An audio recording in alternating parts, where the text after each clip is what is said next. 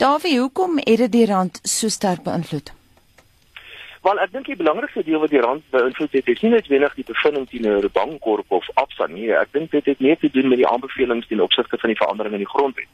Wat basies daarop neerkom dat in die toekoms dat die onafhanklikheid van die Reserwebank waarskynlik tot 'n mate beperk gaan word.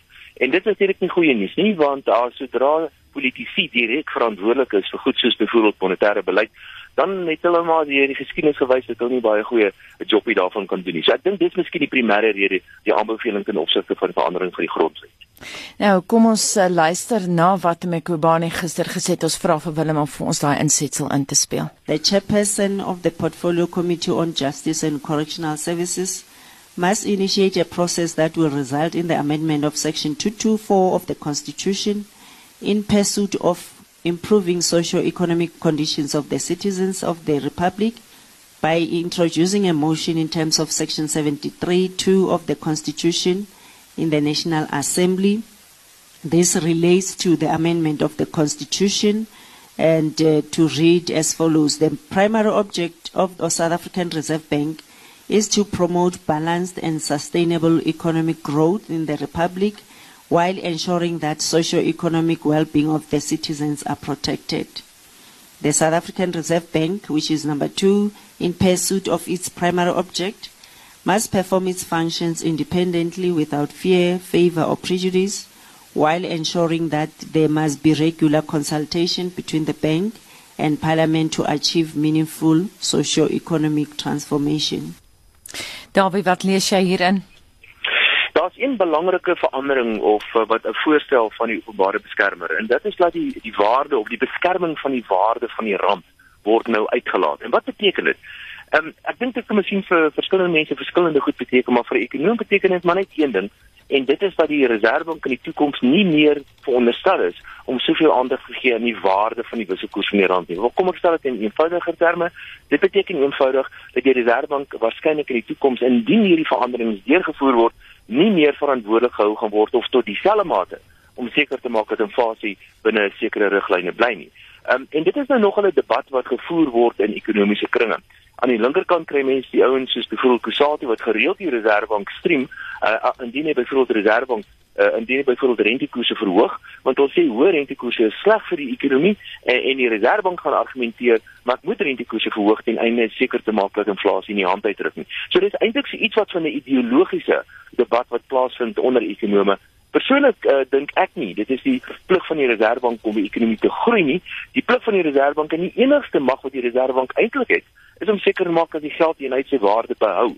So duidelik, uh, dit lyk dit vir my klink dit so of die openbare beskermer ekonomiese beleid via die grondwet wil probeer bedryf hier so en die Reserwebank dan nou van nou af verantwoordelik maak om teenoor die parlement uh, terug te rapporteer in die eerste plek en tweede plek om minder aandag te gee aan inflasie wat uiteindelik baie sleg en negatief vir die ekonomiese groei gaan wees. Kan jy 'n bietjie uitbrei daarop? Want ekonom uh, inflasie kan mens maar gelykstel aan finansiële uh, uh, ekwivalent van 'n van 'n van 'n burgeroorlog. Want eintlik wat inflasie doen is dit vervring allerlei pryse in die ekonomie. Dit dit stel twee groepe teenoor mekaar op voortdurend, die spaarders en die leners. Uh, dit lei daartoe dat jou geldeenheid voortdurend in waarde afneem. Dit lei uiteindelik tot hoër rentekoerse. Dit lei uiteindelik tot swakker ekonomiese groei. Dit lei uiteindelik tot hoër werkloosheid uh, en armoede en dis meer. So sonder enige twyfel is inflasie 'n baie negatiewe ding. So duidelik hoe dit hoe dit vir my lyk is asof daar in die eerste plek 'n politieke aanval van die openbare beskermer is teen die Suid-Afrikaanse Reserwebank en in die tweede plek is daar is daar lyk dit vir my 'n soort van 'n ideologiese aanval teen die Suid-Afrikaanse Reserwebank ook. Ek dink wat ook belangrik is om te verstaan is dat daar op die oomblik uh, dramatiese nuwe tegnologiese veranderings aan die gebeur. En indien die Suid-Afrikaanse Reserwebank uh, onder politieke druk ook gaan kom, wat sekerlik die geval sal wees indien hierdie aanbevelings deurgevoer gaan word, dan is ek bevrees van die Reserwebank eintlik 'n aanval ervaar van 'n velery 'n velery fronte en jy uiteindelik daarvan sal waarskynlik wees 'n swakker geldeenheid. Hou in gedagte, 'n swakker geldeenheid, 'n rand wat sy waarde verloor, beteken dat alle Suid-Afrikaners word armer. Dit is miskien op die kort termyn uh, tot voordeel van byvoorbeeld die uitvoerders, maar op die medium langer termyn is dit tot nadeel van alle Suid-Afrikaners. 'n Swakker geldeenheid beteken eenvoudig ons word almal armer. Watter boodskap stuur dit aan beleggers?